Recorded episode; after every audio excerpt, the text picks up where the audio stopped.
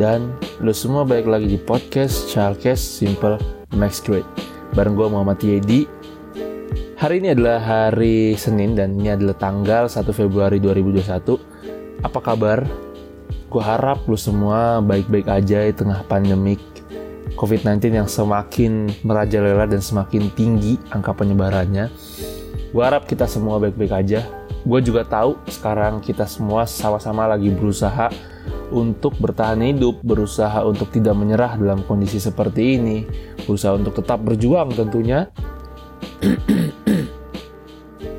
tetap berjuang di tengah pandemi COVID-19 ini. Mungkin ada yang berjuang untuk dirinya sendiri, berjuang untuk keluarganya, berjuang untuk orang yang dicintainya mungkin. Macam-macam deh, sama kayak Calkes lagi lakuin sekarang, kita juga sedang berjuang kali ini. Kita berjuang untuk uh, mengembalikan asik. Di season 3 Calkes berjuang untuk mengembalikan konsistensi dan juga eksekusi kami menjadi lebih baik lagi.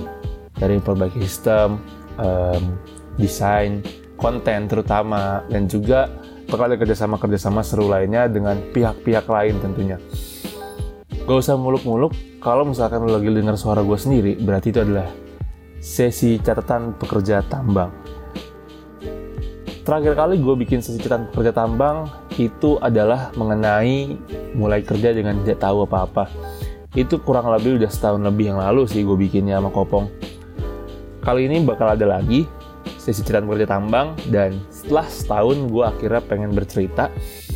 Mungkin cerita kan sedikit beda karena dalam setahun terakhir gue punya banyak banget hal yang bisa gue ceritakan dan banyak banget pengalaman-pengalaman yang hmm, pastinya menarik buat lo dengerin. Di mana? Di podcast Calkes.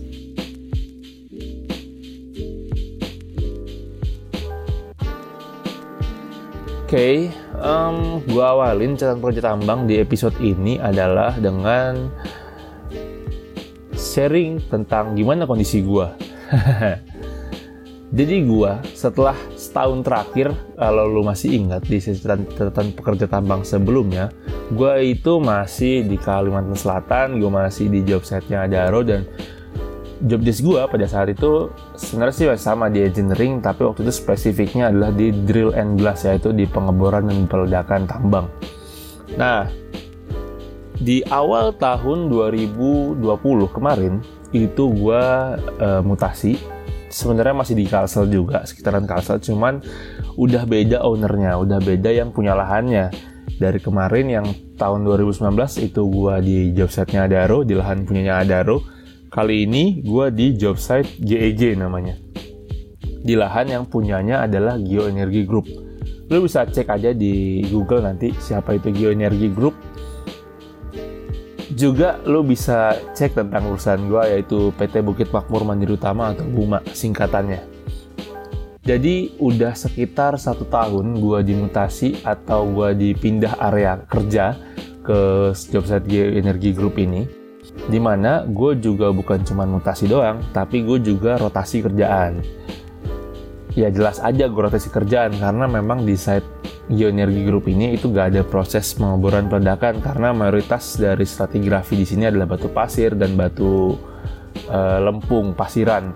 Karena nggak ada yang batuan memang batuan keras di sini. Jadi kita nggak perlu yang namanya drill and blast. Sehingga gue di sini udah tahu pastinya gue bakal gak dapet job drill and blast lagi.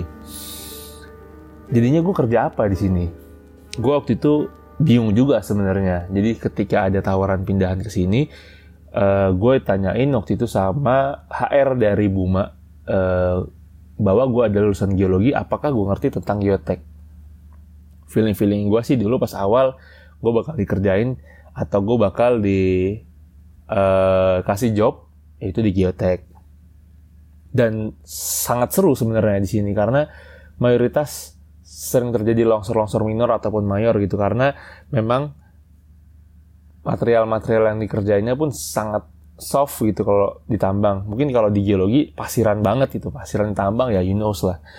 Habis itu akhirnya gue terima deh, gue pindah ke job set Geoenergi Group waktu itu di uh, bulan Februari. Nah ini di bulan ini di tahun lalu tepatnya tahun 2020. Nah akhirnya pas udah sampai di sini uh, gue job desk utama gue adalah menjadi seorang pit engineer dengan job desk kedua gue atau job desk uh, bisa dibilang yang gak terlalu sering gue kerjain adalah di bagian geotechnical engineer. Jadi gue punya dua, dua job desk di sini yang sebelumnya nggak pernah gue kerjain. Maksudnya gue nggak punya pengalaman di bidang ini dan kalau lu bilang bang lu kan di geo, lu bang lu kan di geologi harusnya lu ngerti dong geotech. Betul, gue ngerti geotech. Cuman waktu kuliah dulu gue uh, jujur nggak tertarik sama geotech dan gue nggak mendalami sebegitunya tentang geotek. Jadi gue nggak nggak ngerti begitu banyak gitu di sini. Tapi ya sama juga kerjaan mau nggak mau harus kita ambil dan mau nggak mau harus kita pelajarin gitu. Karena kalau lu nge-refresh yang di sesi CPT atau catatan moji tambang sebelumnya, mulai kerja dengan tidak tahu apa-apa, ya udah. Gue anggap gue gue sedang memulai pekerjaan baru lagi dan gue nggak tahu apa-apa tentang itu. As simple as that. Akhirnya tibalah gue di set baru gue. Daerahnya itu di Kabupaten Tanah Bumbu, Kecamatan Angsana, Provinsi Kalimantan Selatan. Sebenarnya sih cukup seru sih di sini. Karena gue ketemu atmosfer yang berbeda, gue ketemu orang baru yang berbeda, dan gue harus cepat beradaptasi. Karena di tahun 2020 gue bukan anak seorang anak manajemen training atau seorang anak MT lagi, tapi gue udah sebagai pegawai biasa. Gue ya pegawai dan pekerja yang siap kerja gitu. Jadi mau nggak mau, gue nggak bisa harus belajar lama, harus uh, adaptasi yang lama. Gue harus melakukan semuanya serba cepat. Singkatnya sih gitu. Nah, muncul pertanyaan di benak-benak lo semua, termasuk benak gue juga yang ketika waktu itu gue masih dalam uh, kuliahan, gue masih dalam kampus gitu sebenarnya kalau lulusan geologi kan dulu gue sering lihat tuh hal ini tuh berawal dari dulu gue sering lihat di LinkedIn kalau alumni-alumni dari geologi ya banyakannya sih majornya di geologi UPN kan gue lihat itu di LinkedIn gue lihat mereka kerja as a pit engineer, as a pit control itu adalah dua hal atau dua nama pekerjaan yang sama, pit engineer dan juga pit control di sebuah perusahaan kontraktor tambang. Alhasil gue dulu bertanya-tanya, apakah ilmu geologi kita ini kepake nggak? Kalau misalkan kita kerja di pit engineer secara udah sangat beda gitu yang diurusin. Dari kita awalnya cuma ngurusin batuan terus kita ngurusin pit. Ya memang sih uh, itu sama-sama kayak alam sama-sama kayak ada batuannya juga ada stratigrafinya. Cuman dari skop pekerjaan dari resiko pekerjaan tuh it's totally different gue pengen ngasih tau lu semua dulu, gue pengen sharing tentang apa sih pekerjaan seseorang pit engineer ketika lu kerja di mining kontraktor. Jadi seorang pit engineer atau pit control yang ya dua itulah yang disebut adalah gimana caranya lu uh, nyeting cara nambang yang baik dan benar. Lebih tepatnya ke strategi sih, ke short term main plan atau strategi yang jangka pendek di dalam pit lu supaya lu dapat mencapai target target apa, target overburden lu dan juga target batubara lu yang di, udah ditentukan di awal bulan antara uh, perusahaan kontraktor dan juga perusahaan owner. Nah, uh, sebelumnya gue penjelasin overburden itu apa sih? Overburden itu ada dua coy. Overburden adalah lapisan penutup batubara kayak batu pasir, batu lempung, batu lano atau batu-batu lainnya yang dia itu nge-cover di stratigrafi si batubara ini. Nah, overburden ada dua. Ada overburden yang memang dia itu di lapisan paling atas dari stratigrafi si daerah tersebut. Nah, kalau yang kedua adalah interburden. Interburden adalah OB yang ada di tengah-tengah antara SIM atau perlapisan batu bara. Jadi bedanya itu. Ayo, lagi pada dengerin ya. Kalem, gue numpang lewat dulu sebentar karena ada info menarik yang pengen gue sampein ke lu. Gini-gini, sebagai anak yang geologi bet nih, pengen gak sih lu punya baju yang bernuansa geologi gitu? Nah, gue ada nih kaos yang cocok banget buat lu semua. Kaos geologi dengan dua varian warna, putih dan hitam, dan bertuliskan Earth Storyteller. Sekut, kurang geologi apa coba? Nah, bahannya ini lembut, tidak panas, sablonnya itu tebal dan tidak mudah pecah. Kaosnya menggunakan bahan cotton combat 24S dan sablon rubber Matsui Premium. Apalagi nih, ketika lu beli kaosnya, lu nggak cuma dapat kaos cuy, lu dapat free stiker dengan tulisan Earth Storyteller dan geologi. Yaudah, tunggu apa lagi? Buruan ikut pre-ordernya sebelum kehabisan. Pemesanan paling lambat 12 Maret 2021. Pakai kode promo podcast Chalkes dan dapatin diskon Rp5.000 per pieces. Ingat, podcast Chalkes. Untuk pemesanan langsung aja hubungin di 0878 3862 1210. Semua info ada di deskripsi. Yaudah, langsung aja balik ke episodenya cuy. Terima kasih yang udah dengerin. Terus lanjut. Jadi, kegiatan sehari-hari atau job sehari-hari dari pit engineer atau pit control adalah utamanya itu tadi. Gimana caranya lu nerapin strategi short term main plan untuk mencapai target lu. OB dan juga batubara pencapaiannya. Nah, gimana sih kerjaan lo? Jadi kalau gua boleh sharing, sehari-hari gua itu um, biasanya gua akan ada dua kali meeting. Yang pertama adalah meeting pagi kita sebutnya atau morning meeting, di mana dalam meeting tersebut lu sebagai uh, seorang pit engineer akan menyampaikan review pekerjaan semalam secara plan tentunya ya dan secara review yang le, dikasihin sama resume yang, yang resume dikasih sama tim malam yang bisa lu pelajarin pagi-pagi dan juga plan ataupun rencana yang akan lu lakuin sebagai pit engineer ke pit lu di hari itu. Jadi ada dua poin yang harus disampaikan. Terus itu itu meeting yang pertama, meeting pagi. Lalu yang kedua ada namanya DSP, kalau di tempat gue disebutnya atau Daily Strategic Plan. Jadi daily strategic plan adalah meeting koordinasi di antara semua uh, section atau semua departemen yang lu nantinya akan menjabarkan rencana lu dan juga review dari produksi kemarin. Sebenarnya agak mirip-mirip sih di dua meeting ini, cuman uh, ada sedikit detail yang berbeda. Um, lagi mana? Ini agak ribet sih kalau gue dulu sini-sini. Intinya gitu deh pokoknya. Terus uh, setelah hari-hari lu diawali dengan meeting, nantinya lu ke lapangan biasanya. Lu ke lapangan mungkin nanti ada partner lu. Lu ke lapangan ngeliat uh, fleet lu ataupun alat-alat berat. Kalau lu asing dengan yang namanya fleet fleet itu adalah uh, satu kelompok alat berat yang terdiri dari eskavator dan juga unit-unit support lainnya kayak doser, grader, terus uh, HD, HD itu adalah truk-truknya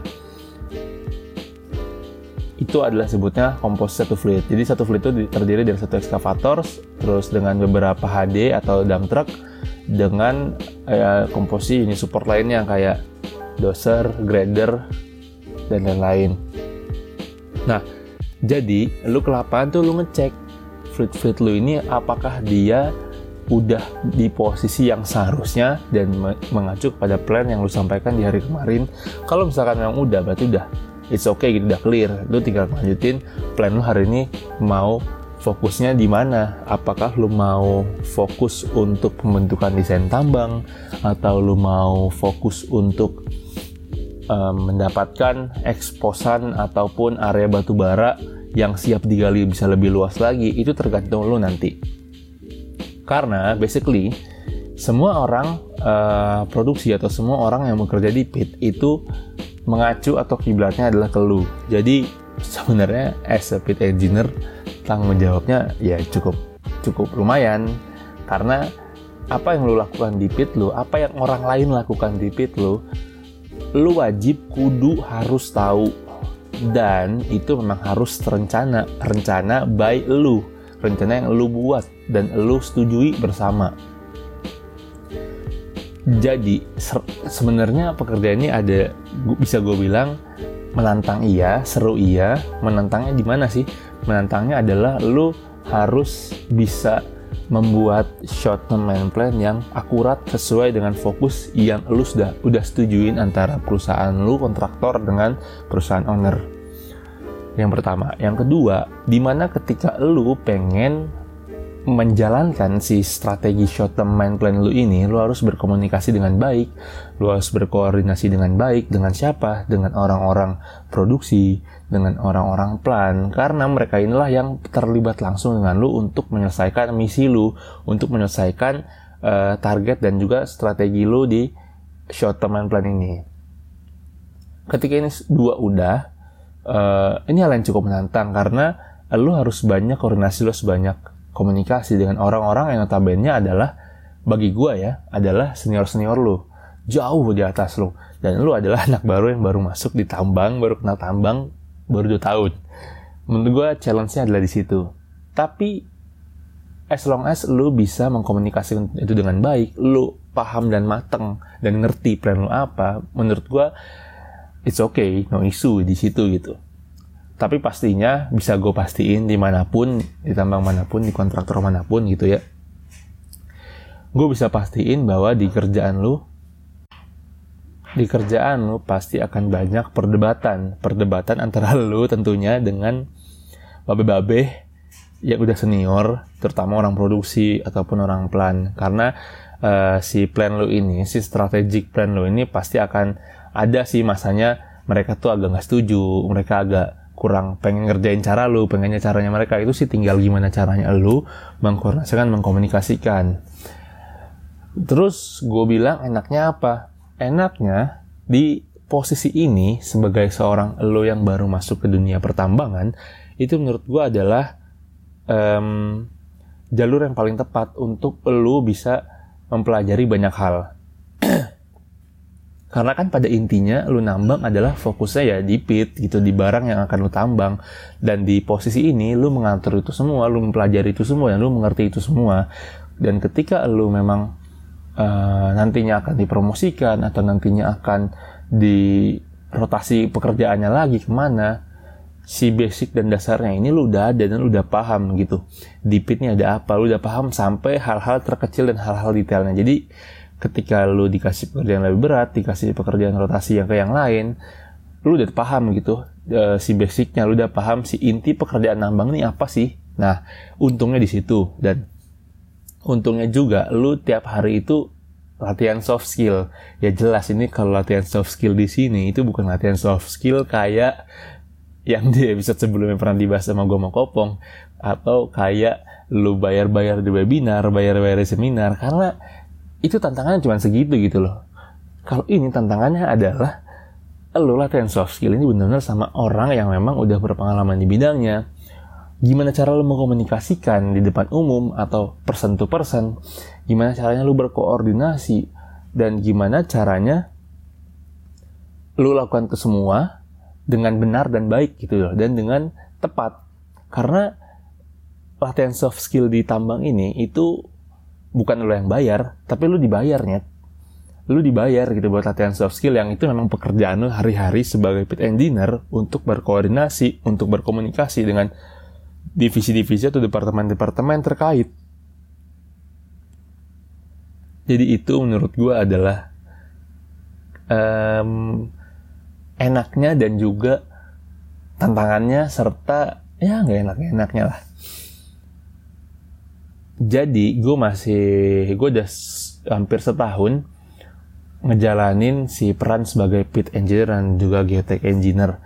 Mungkin di episode CPT kali ini gue pengen bahas itu dulu kali ya. Gue pengen bahas tentang yang pit engineer tadi gue itu. Dan segitu dulu aja. Gue harap di episode CPT yang kali ini bisa ngebuka wawasan lagi bahwa ternyata lulusan geologi itu bisa ditempatkan di mana aja. Uh, maksud gue ditambang di area mana aja.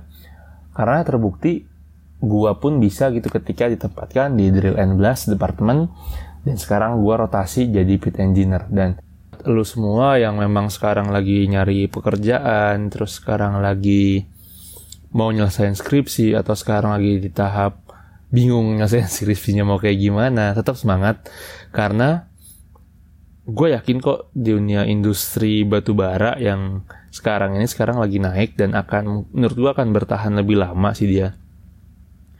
Dan nggak usah khawatir ketika lo nanti lulus, para geos-geos di mana pun dan kampus apa pun, gue yakin um, lu bisa kok kalau misalnya berkarir di kontraktor pertambangan, mau itu batu bara, emas atau apa pun, karena pada dasarnya geologi itu bisa kepake di mana pun.